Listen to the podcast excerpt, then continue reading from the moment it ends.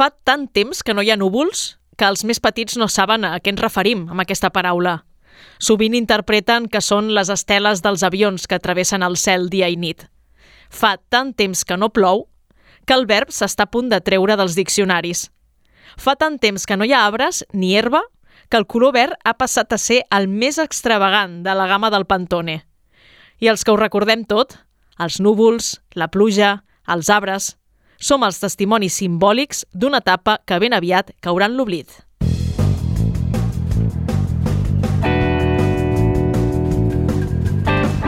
Quimèric, amb Karen Madrid.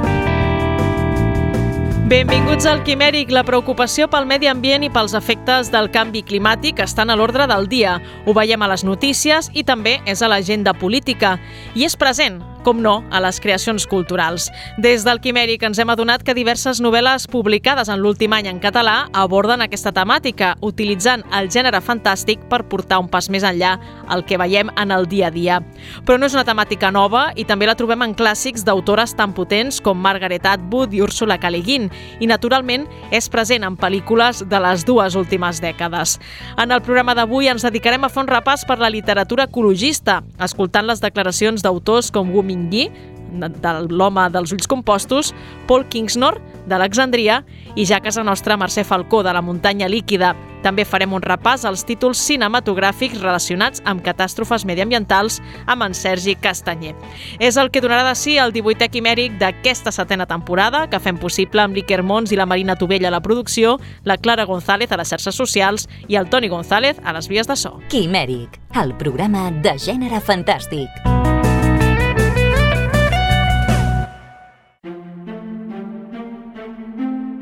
Especial Quimèric el medi ambient ha preocupat històricament molts autors, sobretot autores.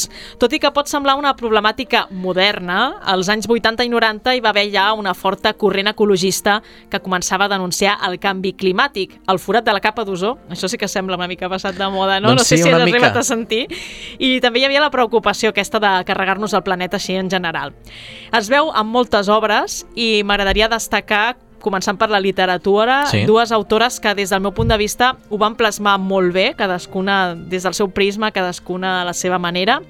Són dues autores canòniques. D'una banda tenim la Margaret Atwood, que amb la trilogia iniciada pel brillant Oryx i Craig el 2003, Sí, seguida per el contemplatiu El año del diluvio i acabada amb Madadam, que no puc dir res perquè no l'he llegit, planteja un futur postapocalíptic on el clima i la bioenginyeria, també els retocs genètics, en són els protagonistes. És un Mhm. còctel molt interessant, no només va de medi ambient, sinó de tot el que estem fent els humans i de com ens estem carregant tot, no? des de la societat, el medi ambient, el consumisme, toca molts pals i crec que els toca molt bé i tot des de com un punt de vista molt contemplatiu, perquè la Margaret Atwood, si has llegit alguna cosa d'ella, el que fa és fer-te una fotografia d'un moment en concret. No són llibres d'acció, no són llibres que passi una cosa, sí. sinó que ella ens situa en un moment en concret del futur Això és el que està passant. i diu, aquí ho teniu. I ja està, i dius, "Mm, però no ha passat res en tot el llibre. No, realment no, però mm, tu t'has posat en aquell món i has hagut de deduir el que ha passat abans i el que probablement passarà després. Crec Mhm. que és un exercici molt interessant de fer. Eh, Oryx i Craig és una novel·la que podríem dir que costa entrar-hi, Sí, perquè costa saber de què està parlant a l'inici, no? Comença Vale. a parlar de noms estranys i tu, qui, qui, qui, on m'estàs estem, qui és, qui és aquest, Sí. qui són aquests, és com tot molt estrany, però quan vas entrant, vas entrant, vas veient que té moltes capes i molts missatges i acabes ubicant-te de qui és qui i per què parlen com parlen, que és una mica estrany tot. Eh, hi ha molta crítica eh, i deixa un rum-rum que anys després de llegir-lo encara et queda així com voltant pel cap i és un llibre que tinc ganes de rellegir realment. sí. Deixa caliu. Sí, sí, sí, perquè eh, et fa créixer no? algunes de les seves reflexions i són molt vigents encara ara, 20 anys després. D'altra banda, hi ha una altra autora canònica de gènere fantàstic que es declara obertament ecologista, no és cap secret, ho demostra en tota la seva obra, i és la Úrsula K. Le Guin. Home, Clar, ella té uns llibres molt polítics normalment, però també té llibres en què veiem clarament aquesta ideologia ecologista com és El nom del món és bosc, que va ser Premi Hugo l'any 73, per tant ella s'avança tots aquests moviments més ecologistes, sí. i també ho veiem molt en relats com de la compilació de les 12 direccions del vent, que he tingut el plaer de llegir fa poc per al, al Club de Lectura del Biblionauta. Sí, i què et va I- semblar? M'ha semblat una bona compilació per conèixer l'obra de Leguin des de fora en versió curta. O sigui, Ah, de mira. dir, doncs mira, hi ha relats de ciència-ficció pura, hi ha relats de política, hi ha relats de medi ambient, hi ha una mica de tot. Per tant, crec que qualsevol lector pot trobar algun relat que li sembli interessant. La Leguin és molt clara. Ella creu que cal tenir una empatia cap al medi ambient com a ésser viu i el compara fins i tot amb els éssers humans, com si el medi ambient fos un ésser sintent, no? L'antropoformitza. Ah, exacte. I clar, tu entres allà i penses que aquesta ens estem carregant el planeta doncs fa més mal quan el planeta doncs hi sent, hi pateix i, i pot interactuar amb tu d'alguna manera. Clar, és com el sentiment que en tenim al, a, l'hora de veure una pel·lícula que apareix un gos i el maltracten, ah, no? exacte, vindria a ser això. És, sí, no, sí, què sí. haces? ¿Por qué? Pobre perro. Totalment. Tota l'obra de Leguin, pràcticament tota, uh, aviat hi serà tota, la podeu trobar en català per l'editorial Raig Verd. Vull dir que si teniu ganes S'estan d'endinsar-vos... esforçant, eh, per, per I publicar-la. estan posant molt d'esforç i són edicions que jo no he vist en castellà, eh? perquè són molt boniques i molt treballades, eh, sobretot a nivell de llenguatge també. També hi ha un bon grapat d'autors contemporanis amb obres publicades en els últims mesos que aborden la temàtica ecologista i que fan un clam contra el canvi climàtic. Les repassem a continuació. Una de les novel·les recents que més impacte està tenint en els lectors és L'home dels ulls compostos del Wu Mingyi, traduït a 14 idiomes i a més està en procés de traduir-se a 5 llengües més. Vull dir De- ostres, Déu-n'hi-do, 19 eh? idiomes a, aquí el senyor taiwanès del Wu Mingyi. Uh, és un activista mediambiental. Vale, dir, ja- ja ja parteix, partim ja d'aquesta diu. base. I ens presenta una història molt alegòrica que no estem acostumats a llegir en autors d'aquí. D'una banda, tenim com a protagonista l'Arti, que és un aborigen d'una illa enmig del no-res, Guayo Guayo, i aquest Vale. inici del llibre el que fem és conèixer tota la mitologia de Guayo Guayo, la manera que tenen de veure el món, que és molt única i molt vinculada a la natura. O sigui, ells realment senten la natura mm, com déus, com, com part d'ells, com part de tot, no? I és una... Entres aquí i, i t'enamores no, d'aquesta illa. Potser costa una mica de- d'entrar també, però s'acaba entenent. I llavors hi ha com un ritual obligatori que l'obliga a fer a fer-se a la mar, no? Li diuen, doncs tu marxes i si tornes, doncs ja et pots quedar i si no, la majoria moren, òbviament, al mar. Què passa? Que quan ell es fa al mar, troba un illot de plàstic que surt a la deriva Ostres, i ell, clar, agafa i, i, i, i sobreviuen a l'illot. I llavors, a, a la terra ferma, no? quan ja hem, hem conegut aquesta història, ens presenten altres personatges, la principal és l'Alice, però n'hi ha d'altres també molt enllaçats amb ella, la majoria són dones, que veuen amb preocupació no? el fenomen d'aquesta illa de plàstic, però també un altre fenomen que s'està donant en paral·lel, que és l'augment del nivell del mar a lo heavy. vale. Llavors, clar, aquest augment del mar amenaça amb menjar-se tota la costa i és on ells viuen, no? Clar. I mm, hi ha doncs aquesta doble visió del medi ambient, no? des de la illa que és respectuosa amb el medi ambient a la terra ferma que veuen com se'n va tota la merda i els està preocupant molt. I en un moment donat doncs, aquests dos personatges es troben i es crea una història que és molt alegòrica, molt bonica i que mm, també jo crec que no acaba realment, o sigui que és que també és com un fragment, no? una mica el que dèiem de la fotografia, no? que, ens, que ens feia la Margaret Atwood, això també és una mica fotografia, sí que avança una mica la trama, però es queda en un punt que dius, ostres... Podríem dir que és una fotografia del nostre present. Quasi, quasi, perquè això de la illa de plàstic existeix. A veure, uh, podem escoltar el Wu Mingyi, perquè li van fer una entrevista a l'Adam Martín, no? a través de Cronos, amb la traducció de l'Antonio Paoliello, uh, Déu-n'hi-do també, traduïda al xinès, Sí? i, i el que ella explicava doncs, és una mica la seva preocupació per l'estat ecològic actual. 我自己很尊敬的一位哈佛大学的昆虫系教授叫 E.O. Wilson，他提到一个概念，就是说，呃，现在 Un professor de la Universitat d'Harvard va, va dir que hi ha grandíssims problemes, ens hem d'enfrontar a grandíssims problemes i només es poden resoldre amb la ciència. I ara el que hem de fer és decidir quina és la bona ciència per poder resoldre aquests problemes que, que hi ha actualment. I la meva idea personal és que hem de col·laborar amb la ciència i no podem ser tan, eh, tan egoistes i només pensar en nosaltres. Per això jo també he començat a col·laborar amb moltes organitzacions no governamentals a Taiwan. I llavors jo, com a individu, com a persona, eh, sempre em pregunto, i crec que ens hem de preguntar, quin és el camí que hem de... Eh, cap a on hem d'anar ara. 有没有路可以退的问题，因为是呃一个人没有办法想清楚的，啊，一个人能够决定的是是要走哪一条路啊，这也是我自己啊在小说里面或者行动上面希望 Dèiem que s'identifica com a activista mediambiental, però atenció, perquè resulta que aquesta preocupació per aquest àmbit va néixer arran d'escriure aquest llibre. Hem de recordar que va sortir publicat fa 10 anys i que portava en procés de creació uns anys més. 啊，我个人看法是，la meva experiència, clar, és, és el contrari del que deies tu. Personalment, he començat a preocupar-me amb aquests problemes després d'haver començat a escriure, i no abans. I, de fet, els lectors d'avui en dia són molt diferents dels lectors d'abans, i són tots lectors que han, eh, que han estudiat, que llegeixen molt, molt, i, i per això volen saber quina és la teva idea i quines, quines són les teves propostes per, eh, per resoldre aquest problema. Llavors, el, eh, aquest rol que té l'escriptor li donen al, al lector. En paral·lel a la catàstrofe mediambiental, també s'entretén a explicar-nos l'impacte de les infraestructures en el paisatge. Per exemple, parla de la construcció d'un macrotúnel i és una construcció que ell descriu amb molta precisió perquè es va documentar especialment. Vull dir, és real la construcció del túnel aquest. Ui, que mal rotllo. Llavors, eh, passen una sèrie de coses que et creen un mal rotllo i realment està documentadíssim. Però el llibre no només va d'ecologisme, sinó també va d'empatia, del dol, de la pèrdua, sí. de la xarxa de suport que pot tenir algú quan marxa de casa, quan arriba en un lloc nou, també del procés d'escriptura i de com l'escriptura pot ajudar a superar una pèrdua i el dolor. Vull dir, són molts temes i tots d'una manera com molt peculiar i molt contemplativa.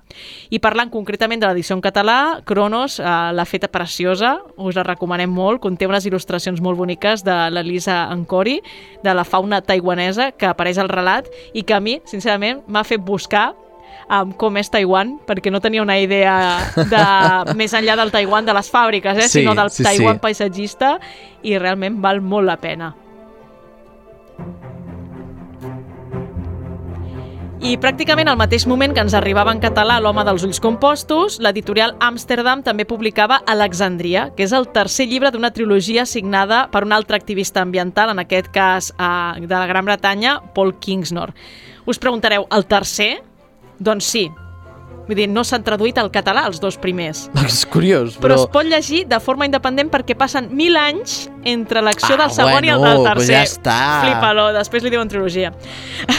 a mi em recorda molt a Oryx i Craig, perquè és un llibre que costa molt d'entrar-hi, fa servir un llenguatge molt alegòric i poètic, els noms de les persones els trobem en minúscules, sí? i el dels elements del medi ambient els trobem en majúscula, com si realment Iker doncs, no tingués importància, però arbre sí. Oh, curiós. Llavors, és, és, ja, només la manera en què està escrit ja et fa entrar en aquesta cosmologia que té l'autor i que la plasma molt bé.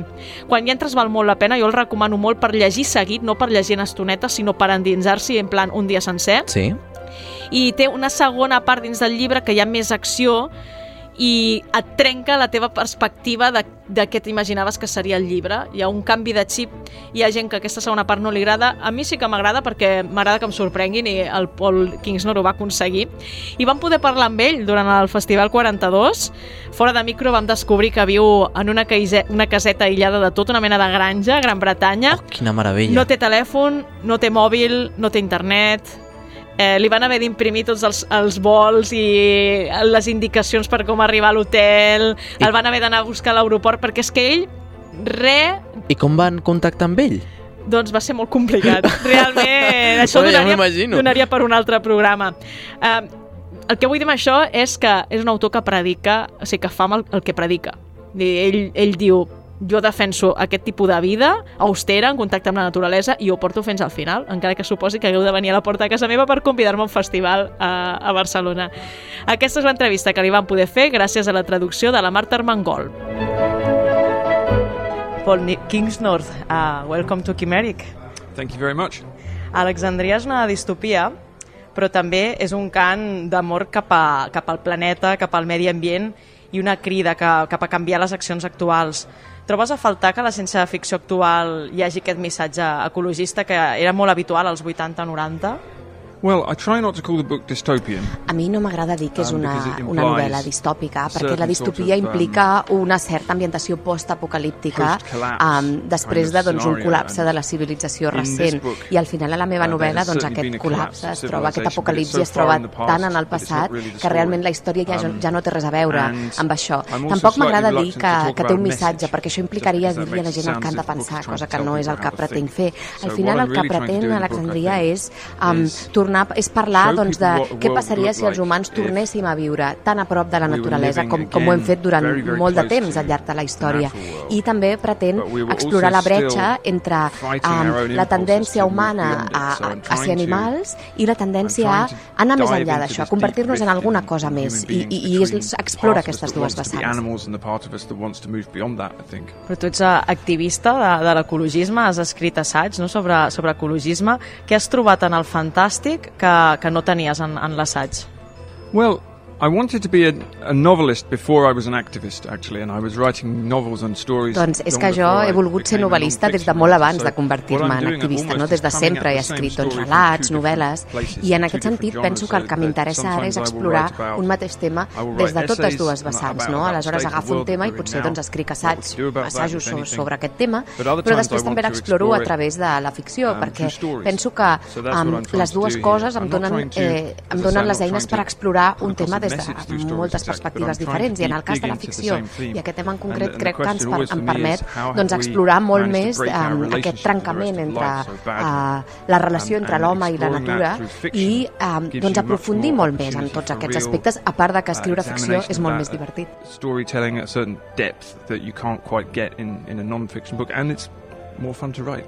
Creus que el missatge d'Alexandria, aquest missatge que comentaves de, de l'humà més a prop de la natura, d'un canvi de, de concepció, eh, pot ser més escoltat ara que fa unes dècades, ara que el tema de la crisi climàtica està en l'actualitat?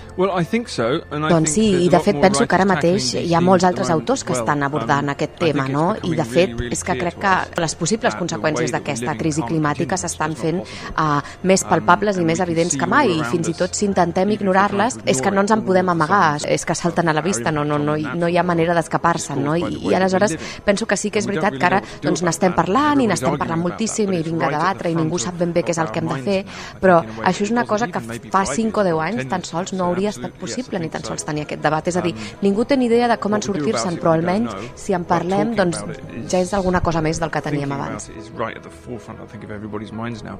Tu utilitzes un llenguatge poètic eh, i el format també ho és molt, no? Veiem els inicis de les frases sense majúscula, només hi ha majúscules quan parles d'aus, d'arbres, no? de, de la natura.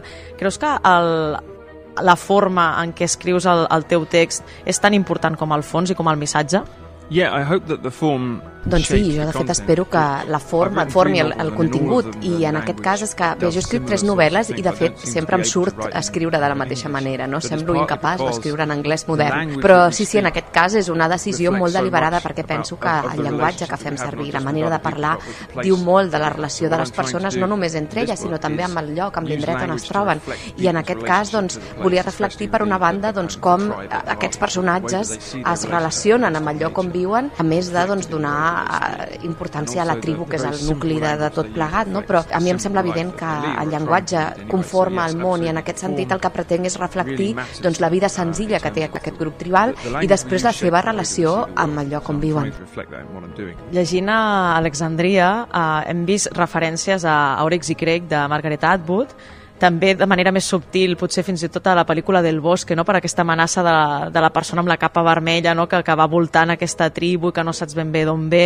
No sé si aquests referents hi eren, si els coneixes, si no, és una cosa de link mental del lector. Yeah, is Jo crec que sí, que això són els lectors que uneixen els punts, no? perquè de fet ah, no, no hi havia pensat en el bosque, de fet no, no l'he vist a la pel·lícula, però de fet com a, com a escriptor crec que és impossible tenir present eh, en tot moment què és el que t'influencia, no? I potser hi ha moltes coses que sense jo adonar-me han, han doncs, informat una mica el que, el que jo escric. La principal diferència entre la teva novel·la i Orix i Cric, per exemple, o altres novel·les de, dels anys 80-90 de temàtica ecologista és l'acció. Si a Oryx i Creek, per exemple, no hi ha pràcticament acció, és un moment estanc no, de la, del procés de la història, i a Alexandria sí que hi ha aquesta pressa no, per actuar.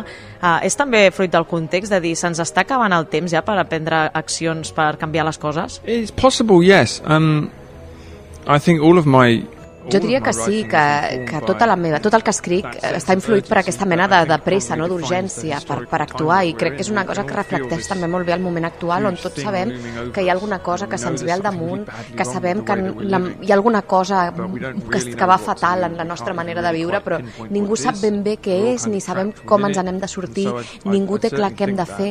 I en aquest sentit um, crec que és una cosa que ens està afectant molt a tots als joves especialment, però no exclusivament, en aquesta necessitat, aquest saber que tot està anant, a punt d'anar molt malament i no saber ben bé eh, què fer.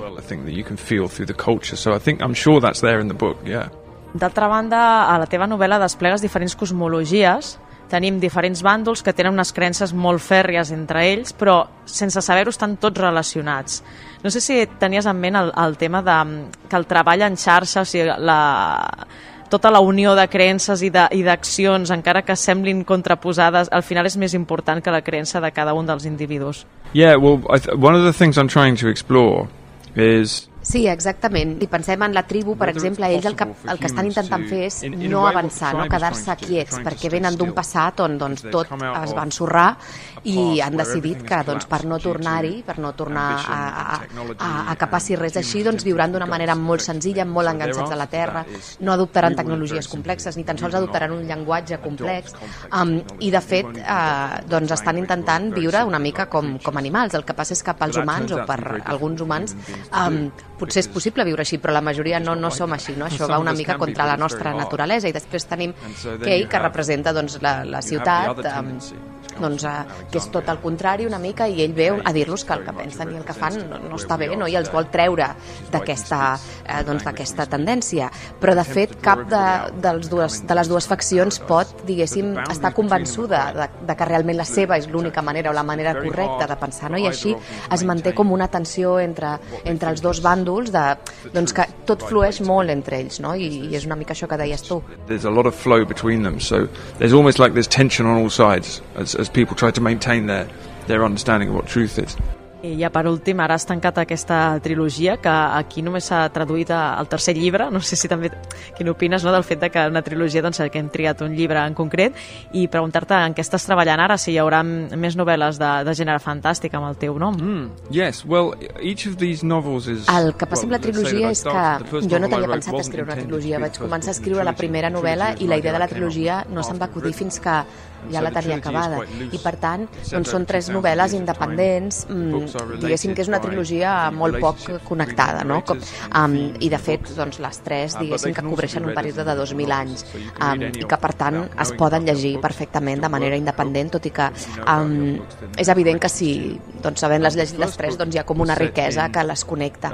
El que passa és que la primera, per exemple, que està ambientada a l'Anglaterra medieval, està escrita en anglès antic i crec que és gairebé impossible de, de traduir, o almenys que seria molt, molt difícil. Um, no s'ha traduït a cap altre idioma, tot i que a mi m'encantaria que algú ho intentés, la veritat. Um, després, pel que fa a escriure, doncs ara mateix estic amb, amb assajos, estic, tinc ganes de tornar doncs, a explorar el tema de l'assaig, però per descomptat que m'encantaria tornar a escriure més novel·les. Quimèric, el programa de gènere fantàstic. L'entrevista. I un altre dels llibres publicats recentment amb temàtica ecologista, en aquest cas a casa nostra, és La muntanya líquida de Mercè Falcó, publicat per Mai Més. Es tracta d'una història que presenta un futur en què ha deixat de ploure, el riu se n'ha secat i pràcticament no hi ha aigua potable. A partir d'aquí ens explica com això influeix en el dia a dia de la població i quin paper juguen els estaments polítics en la gestió d'aquest bé bàsic. Una història que en el moment de sequera actual encara en ressona més. En descobrim una mica més més amb la seva autora, Mercè Falcó. Benvinguda al Quimèric. Hola, moltes gràcies per convidar-me. La muntanya líquida ha sortit publicat el 2022, però segur que hi portaves temps treballant. Què en penses del fet que l'estiguem llegint ara, en aquest context de sequera i de restriccions hídriques? Doncs em fa una mica de por, perquè sí, jo vaig començar el 2016 Uf. i bé, havia problemes hidrològics i, i d'aigua n'hem tingut sovint El que passa és que ara és bastant greu i la veritat és que em fa una mica de por haver-ho escrit fins i tot. Aquesta visió de futur que teniu tots els autors, no? I al final quan s'acaba complint dius, ostres, tant de bo no s'estigués complint, no?, tot això. Sí, una mica sí. I com sorgeix aquesta història de la muntanya líquida? Bé, jo vaig tenir un somni, jo visc al costat del riu Ebre i conec bastant la història, hi ha, hi ha una comunitat de regants, tot això tinc a prop. Llavors, en aquesta història hi havia una persona que mirava una inundació i no havia vist grans quantitats d'aigua. Això em va fer plantejar doncs, com seria una societat en què algú no ha vist mai grans quantitats d'aigua. I aquest va ser l'inici de tot. De fet, aquest inici em sembla com molt potent, vull dir que és com un inici de... No saps, què, no saps què aniràs a llegir i et trobes aquesta, aquest allau, no? aquesta muntanya líquida que dona nom al llibre i, i crec que és una imatge que, que a molts ens costa no? posar-nos en la situació de dir si no hagués vist mai un riu, no hagués vist mai la pluja, què sentiria no? si tingués aquesta, aquesta muntanya líquida al davant? No? Bueno, era el xulo d'escriure, no? amb aquesta sensació d'estranyament i el primer capítol va ser difícil per això, perquè havies de presentar un món molt sec amb una cosmogonia sobre la sequedat i sobre l'aprofitament de l'aigua i al mateix temps inundar-lo.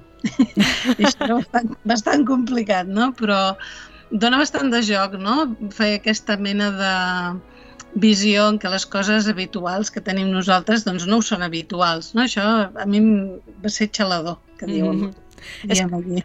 és que a més quan avances en la novel·la primer veus que això, no? Veus la, la plana, que no té aigua, però després vas descobrint que hi ha altres llocs com la vall on sí que n'hi ha d'aigua, no? I que precisament són ells els que gestionen aquest bé tan bàsic i tenen aquest monopoli de l'aigua.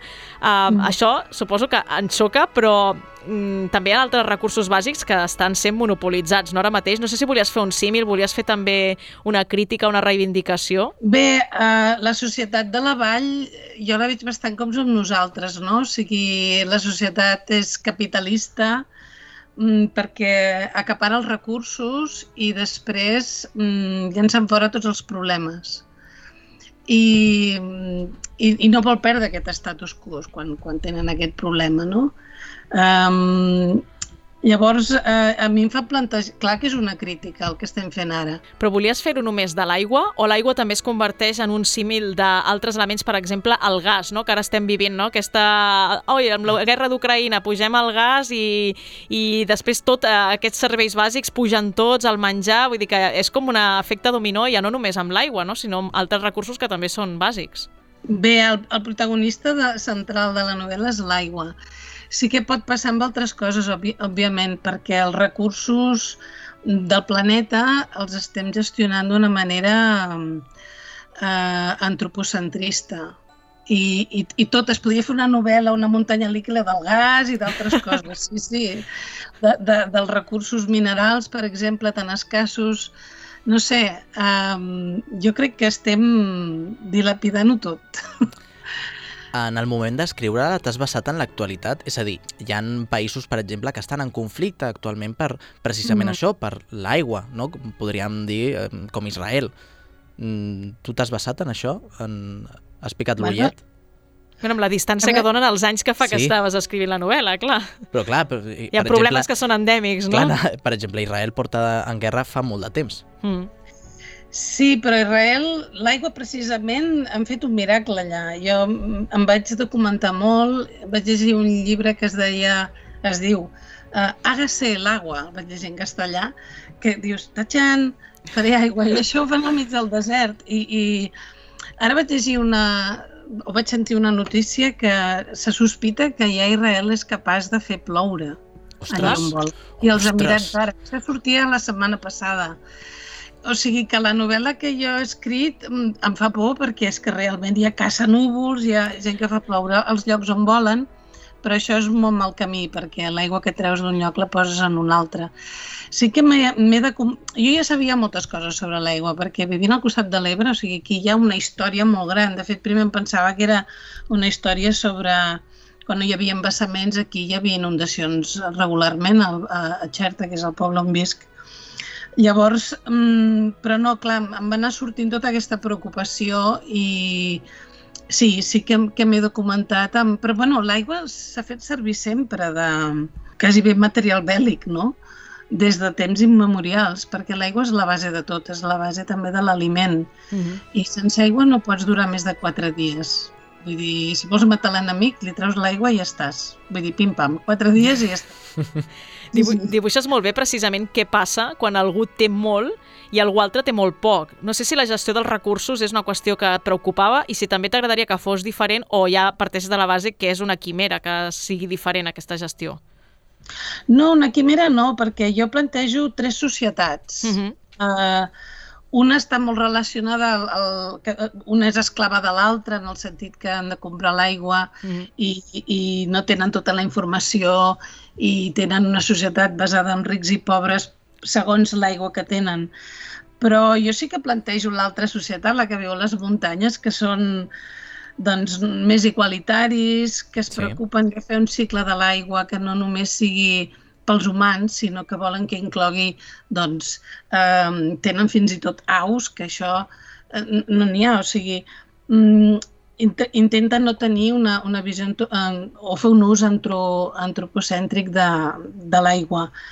Jo faig una aposta potser una mica quimèrica, no, però pot ser idealista, però és que mm, honestament crec que és, és el camí que hem de seguir. No t'anava a dir que com a lectora em va sorprendre molt que plantegessis tres societats en lloc de dos, no? perquè potser és com l'habitual, no? que fan les dues cares d'una mateixa moneda i quan apareix aquesta tercera societat és, doncs, ostres, aquí la cosa es complica i els pactes bueno, i cap a on anirà la història s'enriqueix, sí. no? Sí, em vaig complicar la vida. O sigui, que quan dit que per què no incorporava el gas, doncs no cal perquè era prou complexa. I n'hauria sortit aquí un, una novel·la de mil pàgines. Sortia també una mica pel paisatge, perquè jo el que vaig somiar incloïa unes muntanyes i que és el, el primer capítol ja, ja es veu, no? I vaig trobar interessant que hi hagués aquesta tercera part, no? Jo crec que li dona molt de joc i que si no hauria sigut bastant limitat, hauria sigut una guerra entre dos bàsicament. I ara això ho ha fet per mi més interessant. De fet, amb els lectors en què he pogut parlar, no? així comentant el llibre, el que deien és, ostres, el que m'ha sorprès és la complexitat d'aquesta novel·la, tenint en compte, si no anem malentesos, que és la teva primera novel·la. No, és la segona. Ah, és la segona. Sí. Doncs, quan ho parlàvem dèiem, ostres, és que realment hi ha moltes capes i realment és el que deies, et compliques la vida, però és que hi ha molta més profunditat i també donaria peu a, a continuacions, spin-off o el que faci falta. Creus que sí, que podria tenir un spin-off? Som uns quants, eh, que ho hem dit ja, sí, sí, quan hem comentat sí. el llibre, sí, sí. Bueno, hi ha gent que em diu, ah, l'illa del vell, què ha passat amb l'illa del vell? Perquè queden cables així. És possible. La, la primera novel·la també la vaig fer molt complexa. Jo crec que és perquè jo ja sóc així de complexa. Crec que, en certa manera, tot, evidentment, el que escrius no, no, no ets tu només, no? Però jo crec que m'agrada, m'agrada trobar doncs, dilemes morals, eh, també el joc amb la llengua, eh, no sé, crear un espai on jugar, un bon camp de joc, sí, mm. m'agrada, sí també mostres com les societats es construeixen a partir dels recursos que tenen i dels que no tenen. O sigui, per exemple, veiem l'urbanisme, no? Com en uns uh, tipus de cases uh, perquè tenen aigua i els hi sobra, tenen jardí o no tenen jardí, mm. uh, què mengen, no? Que abans ho comentaves, no? Que la base de l'alimentació també depèn de tenir aigua o no tenir-ne. Um, mm no sé si també ara mateix, cap, cap a on estem anant, creus que, que també ens haurem de replantejar la nostra manera de viure, l'urbanisme, la mobilitat, tot, diguéssim. És que és el que et dic, fa por, fa por perquè aquesta setmana també hi havia una tertúlia que parlaven que, que, bueno, que ara haurem de menjar insectes, que això ja la OMS ja ho va preparar. Sí, sí, fa temps que es diu també, sí. Clar, però tot això deriva de la premissa, tinc aigua o no tinc aigua, llavors mm. és que ja, ja, ja et ve donat, perquè és tan bàsic l'aigua i central a tot. Pel que fa a l'habitatge, Mm, almenys al parc de, la, de les Roques tenen un habitatge, no sé si en parlo gaire, només parlo de les gúbies que sí que tenen un habitatge entre, entre parets mm. i coves i tot això, però no sé, no, no crec que m'hi hagi fixat tant. bueno, clar, tenen jardí els que tenen aigua, clar. és que clar, si tens aigua pots rentar el cotxe, que hi ha una baralla perquè renten el cotxe, etc. Mm. Sí, sí, no, jo mentre ho escrivia pensava, ostres, és que també mm, només miro al meu voltant i em surten trames aquí, em surten escenes, perquè des del moment en què et mires amb l'estranyament de que l'aigua és preciosa i bàsica, dius que estem fent. Mm -hmm. estem fent. Tu t'has mirat um, com, com, com utilitzem l'aigua quotidianament i, i penses, ostres, jo he escrit això, no hauríem de no fer precisament, no sé, deixar el, l'aixeta oberta, no? no? Aquella... Estar 15 minuts a la dutxa, bueno, 15 minuts, una hora... Man, jo, jo francament crec que la, la gent de, de peu eh, eh, ho estem fent bastant bé. Jo crec que la gent ja té molt clar que no s'ha de banyar, que no... Jo crec que fins aquí nosaltres ho estem fent bé.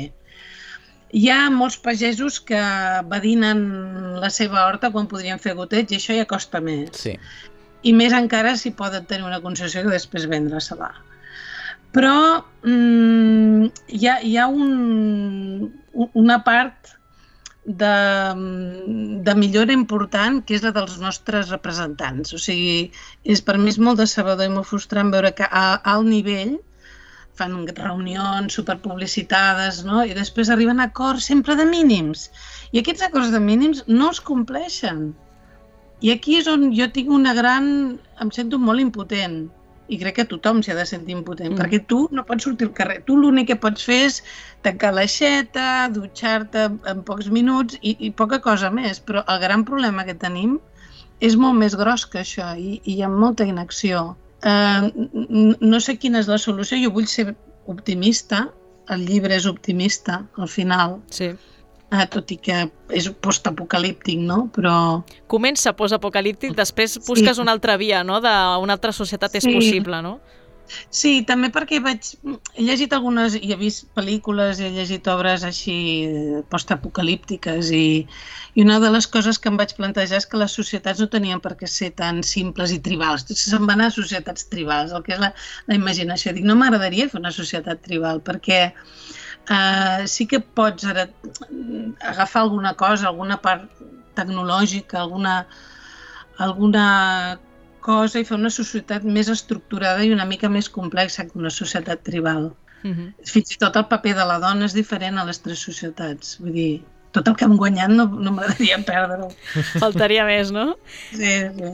També hi ha un, un tema també polític no, darrere fons, que és la reescripció de la història, que crec que és un element que potser no hi aprofundeixes molt, però sí que és molt interessant. El fet de dir, um, no saber a dia d'avui en quin moment s'ha perdut l'aigua ni per què, no? Dius, fa no sé quants anys que no plou, que no tenim rius i ningú sap per què, perquè la causa que estava escrita l'hem reescrit i l'hem amagat, no? Això també és molt interessant i, i dona peu, sí. no?, moltes coses de la nostra, del nostre dia a dia, no?, també, de coses de l'estatus quo que diu, sempre ha estat així, home, no, sempre no ha estat així, no? No sé si això també tenies ganes de, de plasmar-ho, no? Sí, si t'hi fixes, sempre estem reescrivint la història i, i de fet jo crec que, que vivim en literatura vivim en narracions muntades i les narracions no sempre són compartides del tot és molt fàcil reescriure la història. En, en la novel·la el que jo faig és una cosa bastant bèstia, que és la reeducació d'infants. Sí, aquest, aquest tema també, déu nhi eh? Ostres. Ja, va és dur, és dur. Jo sóc una mica tubeta i em va costar fer-lo, però era lògic de tot el que anava succeint. Um, els creen una, una, una realitat alternativa que genera un comportament que els anirà bé als opressors. I a més, ells a, a, els infants que es convertiran en adults no ho sabran que són oprimits. I això crec que està passant ja ara a molts llocs del món i ha passat. Ha passat, passa i passarà. I fins i tot la religió, no? La, com la religió sí. eh, s'acaba creant a partir d'aquesta mancança, no? I de com s'atribueix al sí. que plogui o no plogui al que tu siguis bo o dolent, no? Sí, eh, la religió és un dels meus temes també. L'altra novel·la que vaig escriure eh, parlava del sincretisme a Cuba, i, i t'adones d'això, no? que el que creus pot adaptar-se, pot reescriure's, eh, canvia, pot ser manipulat, que aquí està la, la part eh, més, més temible d'això.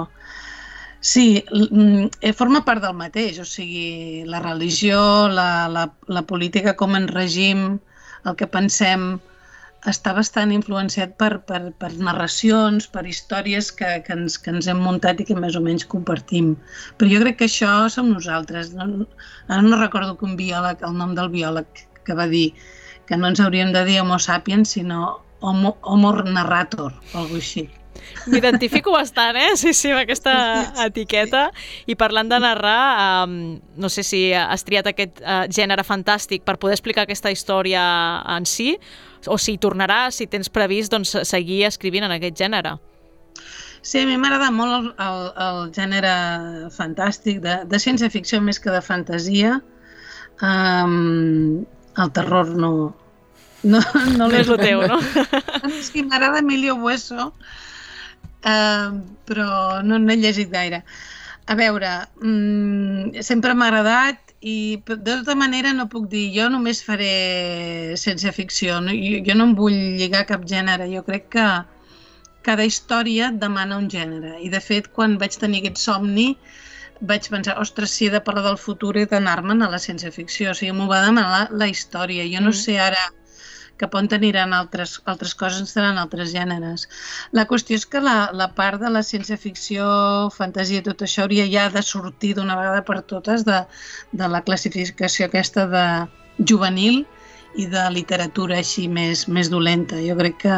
I a més hi ha molts autors al món anglosaxó, hi ha gent que, que és mainstream i que fan eh, el Kazuo Ishiguro, per exemple. Sí, un Premi Nobel. I, exacte, un Premi Nobel que fa això i no, no hi ha cap problema. Aquí estem una mica encara... En... Estem acomplexats, potser, una mica, no? i els agrada molt etiquetar i, i els mitjans, bueno, ara està canviant una mica, veig, veig canvis, però, són lents. Doncs bé, Mercè, seguirem la teva trajectòria, a veure si ens trobem més títols, com aquesta muntanya líquida que ens acostava a l'editorial Mai Més. Moltes gràcies per passar pel Quimèric. Moltes gràcies a vosaltres. Especial Quimèric.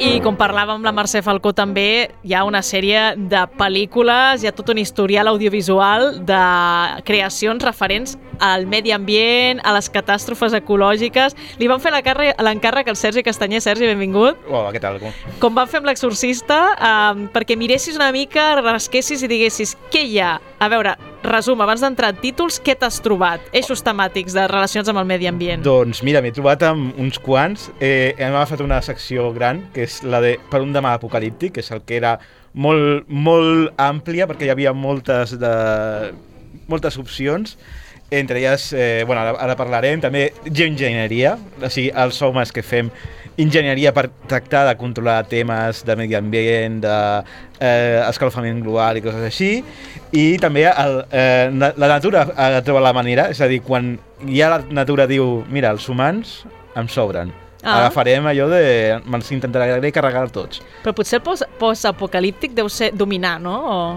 Clar, però... O és el més mainstream, per dir-ho així? Bueno, el post-apocalíptic jo, diria, jo diria que és la més, main, la més mainstream, és a dir, la que és més popular, perquè gairebé tot és allò futur apocalíptic, perquè la terra s'ha assecat, sempre hi ha moltes d'això. Ja, si vols, comencem sí, a, a desgranar. Sí, comencem per l'apocalipsis, no? Sí, eh, per un eh, apocalíptic i comencem per El dia de mañana. Una gran pel·lícula que vaig veure al cine al seu moment, eh? A, 2004, eh? A mi em va agradar molt. A més, jo me'n recordo veure també el dia de l'estrena. A la... era allò de, clar, el dia de mañana, que portem aquí des del 2004, que és la pel·lícula, i és un tema que és d'actualitat. Eh, els oients no poden veure la cara de l'Iker, que clar, el pobre tenia 3 anys i no sap, no sap de quina pel·lícula li estem parlant. És que estic pensant i dic, això no ho he vist, definitivament no. És una bona pel·lícula per veure al cinema amb uns efectes especials molt, molt sí. treballats, no? Amb aquestes més, onades, no? gegantines, aquests tsunamis. A més, això són això, tsunamis, glaciacions, sí. eh, volcans, o sigui, totes les coses que estan dient que passaran amb el tema de la d'això, del dia de demà, en unes hores, perquè sí que és veritat que el, el Roland Emmerich, que era el director, ja deia que concentraria tot el, totes aquestes teories en un sol dia. I Ai, donar... caos, sí, caos, sí. caos, caos. És molt, a mi em va agradar molt, la veritat. No, sé, ah, no l'he revist, vull sí, dir que sí. no sé si aguantaria aquesta revisió dels anys, però, ostres, és una d'aquelles pel·lis és, que impacten. És veritat que jo no, no l'he tornat a veure, però sí que és veritat que tinc bon record i em fa una miqueta de por reveure-la perquè dic, igual s'encarrega. La, la doncs, nostàlgia doncs, doncs poder no, no la tornem a veure i ja està. Tu mira-la i ens dius què tal. Exacte. Ui. I si mira, si no l'has vist, igual tens un altre clon, perquè jo crec per mi és un clon del mateix director que va dir el 2012 amb la teoria de les malles de la fi del món, vas dir, sí? doncs mira, totes aquestes idees que no m'han cabut el dia de la mañana les faig una altra. Aquí. I va fer una altra que és gairebé el mateix eh, d'això. O sigui... Que, a, a mi el que em flipa és que només hi ha 5 anys entre una pel·lícula i l'altra. Sí, sí, Vull però... que realment, no? Dius, no és que al cap de 20 anys facis una revisió, sinó, mira, ah, torno a fer que aquesta m'he forrat, m'he forrat i vull repetir, no, també? Jo crec que això, que va fer allò, una, una, una, això de, un exercici de, re, de reciclatge, vas dir, mira, tot això no em va quedar gaire bé. Ho vaig Anem a reciclar, a repetir-ho repetir i a posar-hi molta més acció, molta més destrucció, perquè el Ronald Emmerich és especialista en destruccions i, i sí, sí, el tenim. Jo aquesta no recordo si l'he vista, eh? Jo aquesta no em va agradar tant, eh? No, sí. Potser l'he esborrat. Després tenim, aquesta crec que la, la, la, la gent més petita dels, dels oients l'ha vist, o si no l'ha eh, vist... Iker? A veure, a veure. No, que crec és, que encara eres petit, també. És Wall-E, Oh, Wall-E. sí, home, com no l'he vista. La primera hora que és cinema verité, però de veritat, o sigui, és, a mi m'encanta. És fantàstica. Em fa molta pena a mi aquesta pel·lícula. Sí, Una tristor. Sí, Ai, no a... sé, és com un rerefons nostàlgic que mm, feia una mica de pena, no sé. Clar, és que realment té aquesta, aquests punts, no? Que, que clar, el Wall-E és un... que està a la Terra a l'any 2800 on els humans s'han anat... Ah, està i la, sol, clar. I clar, la, la Terra és allò... Tot, està tot ple de brutícia. No hi ha res. I llavors, doncs, clar, és... Eh, el pobre Wally, doncs, va fer coses. Clar. Va, va, va fer allò, piles de brutícia, fins que troba allò, una I, petita I el flor. més dramàtic és que és una pel·lícula per nens super eh, distòpica, no? completament caòtica i et trobes que és l'únic que queda al, a tot el món fent cubets de merda. Clar, ell el van programar per això i segueix fent això fins que s'espatlli, no? I després és veritat que ell, doncs, li arriba la, la Ida, que és la, la, la, la robot que és clar, si el, el, el Wally és un Windows, l'altre és com un Mac, no? Molt sofisticat, molt guau. Molt... I clar, eh, a partir d'allà doncs, sorgiran moltes històries que, si no l'heu vist, jo d'això ja no me'n recordo. Feu tard, de veritat. Sembla que només m'he quedat amb la part dolenta de la pel·lícula. Oh, home, és boníssima. No, no, és que no recordo. Només m'ha quedat aquella sensació de, ai, quin mal rotllo, no? El món oh, aquest doncs que un revisionat no estaria malament. Doncs vinga, me l'apunto.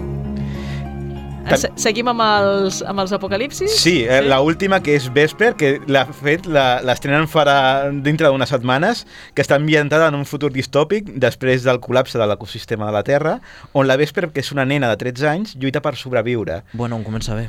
I és una pel·lícula que està rodada a Bèlgica, Ah. I té una factura tècnica impecable. Ens va sorprendre molt el passat Festival de Sitges i per això quan em van dir això de fer, de fer aquest especial vaig dir, ostres, Vesper la tenim que mencionar almenys. Home, doncs també ens l'apuntem, no? Sí, Crec que sí, pot sí. estar bé. I així, així no ens quedem només en els 2000, no? Que són, són aquí com molt retro, eh? Ja? Clar, que no, no volia que quedés tan retro i deia, no, no, aquí encara es fan coses... Eh... A l'època que anàvem al cine per dos euros la sessió, eh? Sí. Cuidado. Ostres. Això era... A, a part això, del 93 costava 500 euros. Ai, 500, 500 pessetes. Sí, Perdó. sí, sí, sí. I 500 pessetes, ostres, clar, són 3 euros ara mateix. Diu, mare meva, en 3 euros Per anàvem això al cine. dic, per això, per això veiem tot el que es feia, no com ara Sí, sí. que és com, ostres, he d'anar a triar molt bé la pel·lícula perquè m'hipotecaré, saps? I anem a la geoenginyeria. Sí, ara... A veure què hi ha aquí de... Aquí parlem d'una de les meves favorites. També és una pel·lícula i a més hi ha una sèrie. O sigui que Crec que vam parlar de la sèrie, pot ser? A, Sí. a la teva secció? a la secció de sèries vam parlar i també podem parlar també de la pel·li que és Snowpiercer, del John Monho. Oh, boníssima! Boníssima! Després de que, quan vas fer la recomanació, jo me la vaig veure, em, em va encantar. Ara, fa, ara eh, comença la quarta temporada de Què me finals d'any. dices? O sigui que... Ai, que bé! Oh, que, que, quina alegria m'acabes de donar! És que em va agradar molt, eh? Sí, sí. A més, el director és el Bon Joon-ho, és el director de Paràsitos, i és una Ah. pel·lícula Ostres! feta... Això ja eh, m'està- m'estàs interessant ara de cop. Sí, I és una pel·lícula que és coreana, però està feta amb actors internacionals, amb el Chris Evans, eh, la Tilda Swinton, o sigui, realment una, una factura tècnica impagable, i a més això ens, ens explica el que ens explicava la sèrie, o sigui, és un tren eh, en, una, en un món on s'ha glaçat tot per culpa de la gent que ha intentat refredar el planeta i s'han passat una S'han miqueta... passat a frenada, no? Per lo que es digui. I... És, cre és creïble, és creïble. que... I a més el, el tren doncs, té un sistema de classes. Els de la cua són els pobres i els del cap són la gent Els d'èlit. VIPs, clar. Sí, sí. I, Llavors, per, I passen coses. Per lo que sigui, passen coses. clar, no podem fer spoiler, però realment està molt interessant. Bé, jo que estic molt dins amb el cinema coreà, i ara ja m'ho apunto completament. És, és molt, Snowpiercer, aquesta de, de les que... I si veig la pel·li, puc veure la sèrie després o no? Sí, perquè la pel·li són 30 anys després. Ah, Anda. Sí, sí. mm, M'interessa. Per m'interessa això hi ha, hi ha ara coses mateix. que dius, això no era ben bé així, però no, no té... La veuré sopant avui. Després tenim el Núcleo. El Núcleo. És és una pel·li de les que eh, recordo poc, però recordo, de, eh, parlant de gene- enginyeria, doncs això, d'una sèrie de, de científics que descobreixen que la, el nucli de la Terra s'està parant i tenen que doncs, cavar fons per dinamitar el nucli i fer-lo reactivar. És una pel·lícula que... Dit així, so, dit així sona superabsurd, eh? Superabsurd. No sembla bona idea, no. Sí, sí. A més, això, eh, protagonitzat per l'Aaron Eckhart i per la Hilary Swank, que jo no sabia que aquesta pel·lícula la feia la Hilary Swank, però quan l'he vist dic, ostres, tinc que fer un revival perquè me'n recordo molt poc d'aquesta pel·lícula. Hem tornat al 2003, eh, Sí, també. sí, 2003, o sigui, déu nhi I ara ja eh, passem uns anys després, que és a Underwater, que és una, al 2020, amb la pandèmia, i era una pel·lícula amb la, a la Kristen Stewart, mm -hmm. la de Mhm. Crepàsculo, però fent unes altres coses, Sí. eh, que estan... Eh, és una espècie d'alien sub, submarina. Crec que van parlar en algun, en algun especial. Crec que sí, però no l'he Eh, vista tampoc. És una pel·lícula que és això, eh, estan cavant a la fossa de les Marianes allà xiqui-xiqui i... típic, no, que estàs. Sí, sí. Qui no ha anat a acabar a la fossa de les Marianes? Jo hi vaig dissabte. Clar, a fer el xiqui-xiqui. I es troben amb, una, amb un problema, i és que comença a venir-se a baix totes les estructures per alguna cosa doncs, que no avançarem perquè seria un spoiler. Vaja, vaja. Que, em deixa'm que faci un apunt, mirant les dates de les pel·lícules, no? Que Sí. dius 2000s i 2020s. Això també quadra amb el tema de la literatura que hem comentat abans, no? de que hi ha una tendència ecologista a finals dels 90, principis del 2000, i com després aquest tema sembla que es refreda i ara a 2020, a partir del 2020 cap aquí, ha tornat a reflotar aquest tema. Sembla que en el cinema també està passant, no? És veritat, eh? El tema de la dècada dels 10, del dos- 2010, 2000 endavant... Allà no, ha trobes res, no? veritat. perquè és com que ja ha passat de moda, ara ja no ens interessa. Ja... És curiós, eh? un detall. Home, crec que això també té a veure amb les notícies que veiem cada dia, no? el que els creadors van escoltant i es van empapant, després això surt a les seves creacions i surt amb un marge no? de temps, perquè el tema ecologista en l'agenda política potser estem parlant del 95-96 Sí. i després comença a veure amb llibres i pel·lis del 2000, Sí. no? i ara ja quadra, jo crec que quadra. Igual sí, ara, per tema agenda igual sí que ara Jo crec que sí. així. Hem recuperat això. el pessimisme. Sí, no sé, potser la pandèmia també ha ajudat, no? Això de... Va, per lo que sigui, jo crec que que, sigui, sí. No, ens han passat coses eh, aquests tres anys, no? Vull dir que sí, sí. no fem spoiler, no?, de lo que continuarà. No, no millor que que no. I anem a, a l'altra secció, no? Sí, De- el nature finds a way, és a dir, la natura diu a partir d'ara, menys humans a la, a la Terra, que m'estan fent Fem nosa. neteja, que ja us esteu passant, no? I, I comencem amb L'Incidente, una de les pel·lis del M. Night Shyamalan. A mi no aquesta no em va agradar, A mi em va agradar molt l'inici. Després ja no, però l'inici el vaig trobar superpotent. perquè clar, eh, eh, tu l'has vist, Iker? No. Eh, parla d'uns eh, d'un d'un moment eh, que la gent es comença a suïcidar en massa. És a dir, Ostres, que bé, que la pràctic. gent s'aixeca i, i es tira. I no hi ha cap mena d'explicació. És com una cosa que... un fenomen que no saps ben bé què està passant. Coi. I bueno, Que pe- passa, després, després fa com un gir estrany que dius Sí. ai, això ja no m'ho esperava. Això que té a veure amb la natura No i que, eh, clar, l'explicació és una miqueta això, una miqueta cutre però, però És que però a mi és el que resta, tio. És que aquesta explicació és com dir, a veure, tio, exactament preferia la meva teoria que m'estava creant al meu cap, però m'acabo d'impactar al veure que és del 2008, la feia 2008. molt més recent. Ara No, no, m'he no. sentit molt vella ara han mateix. passat molts anys, és el Mark Wahlberg però el Wahlberg abans dels Transformers o sigui, sí, sí Conyo, pues, fa temps, fa Coi. temps Fa, fa molt. Sí, sí. No m'ho esperava. i després parlem eh, de Japón bajo el terror del monstruo que Aquesta no la conec. aquesta és la mítica Godzilla del 54 que és...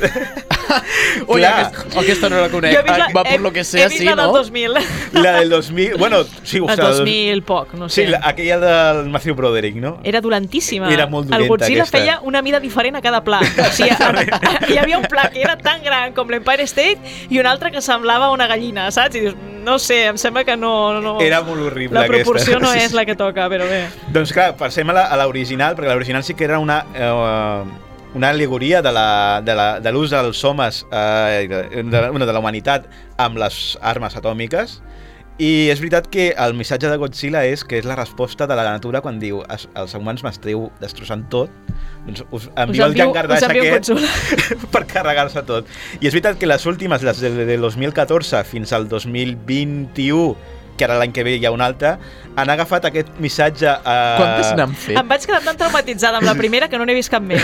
Així de clar t'ho dic. No, mira, d'aquest que és el Monsterverse, portem quatre, l'any que ve la cinquena. Cinquè. Ostres. I totes tenen aquest de... Són criatures gegants que defensen la Terra i que mantenen una miqueta a ratlla... Doncs mira, perquè ho dius tu, perquè jo no hauria posat mai Godzilla en aquest especial. Són, són ecoterroristes. Són ecote... Sí, perquè també tenen ecoterroristes, perquè hi ha humans que, de, que deixen això de, de... No, no, deixeu els monstres que ens aniquilin perquè som el càncer de la Terra. Si o sigui, aquest missatge bé, no? està en aquest... Sí, sí, sí, sí. Eh? No sé si li he de donar una oportunitat. Ara. Sí, sempre, sempre. I ara ja per acabar, un Estimem la natura, perquè tenim tres pel·lícules que són precisament d'això, d'estimar la natura. Eh, parlàvem Seran de... més plàcides, entenc, eh? Serà més plàcida, sí, sí. Una ve de Rússia, que és el Dersu Sala, que és el del director Akira Kurosawa. Akira Kurosawa va tindre una crisi eh, de de fer pel·lis brutal, de fet es va plantejar suïcidar. Ostres. Eh, i va arribar a la Unió Soviètica i li van oferir aquesta pel·lícula. I va doncs d'un capità el Vladimir eh, Arseniev disculpeu als russos la meva pronunciació del rus. Crec que no ens escolten. I eh, doncs després d'una amb la seva relació amb Dersusala Dersusala és un caçador nòmada que té una relació molt especial amb la natura ah. I llavors ell Molt especial diu... com a eufemisme? No, no, no, no, no com, a, com a de... Tenim que cuidar-la, tenim que tenir-la amb molt de carinyo, hem de casar, però sempre amb respecte, no només per l'esport, coses així. És que estava tenint im imatges molt pertorbadores ara mateix. Gràcies per aclarir-m'ho. Karen. I després, ja, ja em coneixeu. I després tenim no, la princesa Mononoke, que és oh, pel·lícula que és un cant... Uh, o sigui, tot el Ghibli realment és un cant a la natura, però la princesa Mononoke jo crec que és... Es veu la... moltíssim. Tu te l'has vista? No. Doncs eh, N'he sentit a parlar personal. molt i no l'he vist mai, no. Molt bé, molt bé. Bàsicament és, és, és un, un món on la natura està en perill perquè l'ésser humà està industrialitzant-se a, a passos de gegant. I arriben a un punt, que no direm gaire més, però que la natura s'ha de defensar d'ella mateixa perquè s'està contaminant. Mm, sembla bé, sí, és sí. un bon punt de partida. Doncs és una pel·lícula, jo crec que l'has de veure, sí o sí. Eh? O sigui, crec que està a Netflix, o sigui que sí? la podeu veure-la. La veurem, la veurem. I després parlem de la... una de les més recents, que és Avatar, la del James Cameron, que sí que és veritat que no parla de la eh. Terra, però sí que parla de, de la industrialització I, i de l'explotació de recursos, també, no? I de l'explotació de recursos. És veritat que la segona part, estrenada l'any passat, sí que passava una miqueta més del tema, perquè era més allò de territori, i era com, bueno, molt bé. Molt, molt bé, doncs molt bé. No, no m'expliquis milongues.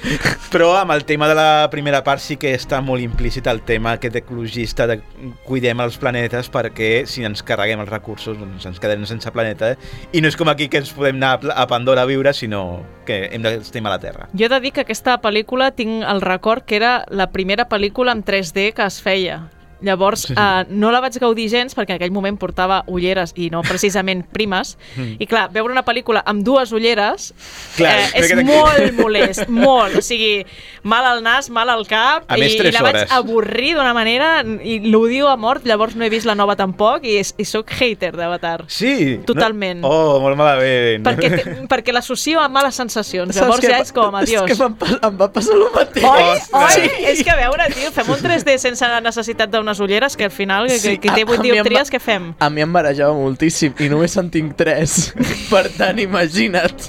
Doncs res, Avatar, molt bé, el missatge ecologista, però allà es queda, no? Oh, malament. Bueno, recomanable, s'ha de veure aquestes pel·lis i crec que ja ens quedem sense temps. Sí, sí, sí, sí. l'has clavat, eh, Sergi? Clavat, sí, sí, Moltes sí, sí, gràcies per fer aquesta tria tan extensa en tan poc temps. Crec que et mereixes el premi al, al col·laborador del Quimèric que més ha complert amb el, amb Home, el temps. Que a, mi, a mi en em dius 17 minuts i jo intento quadrar-lo. Sí, sí. Però tal qual, eh? Tal qual, sí, sí. Doncs gràcies per venir, Sergi. Vinga, fins la propera. Que vagi bé.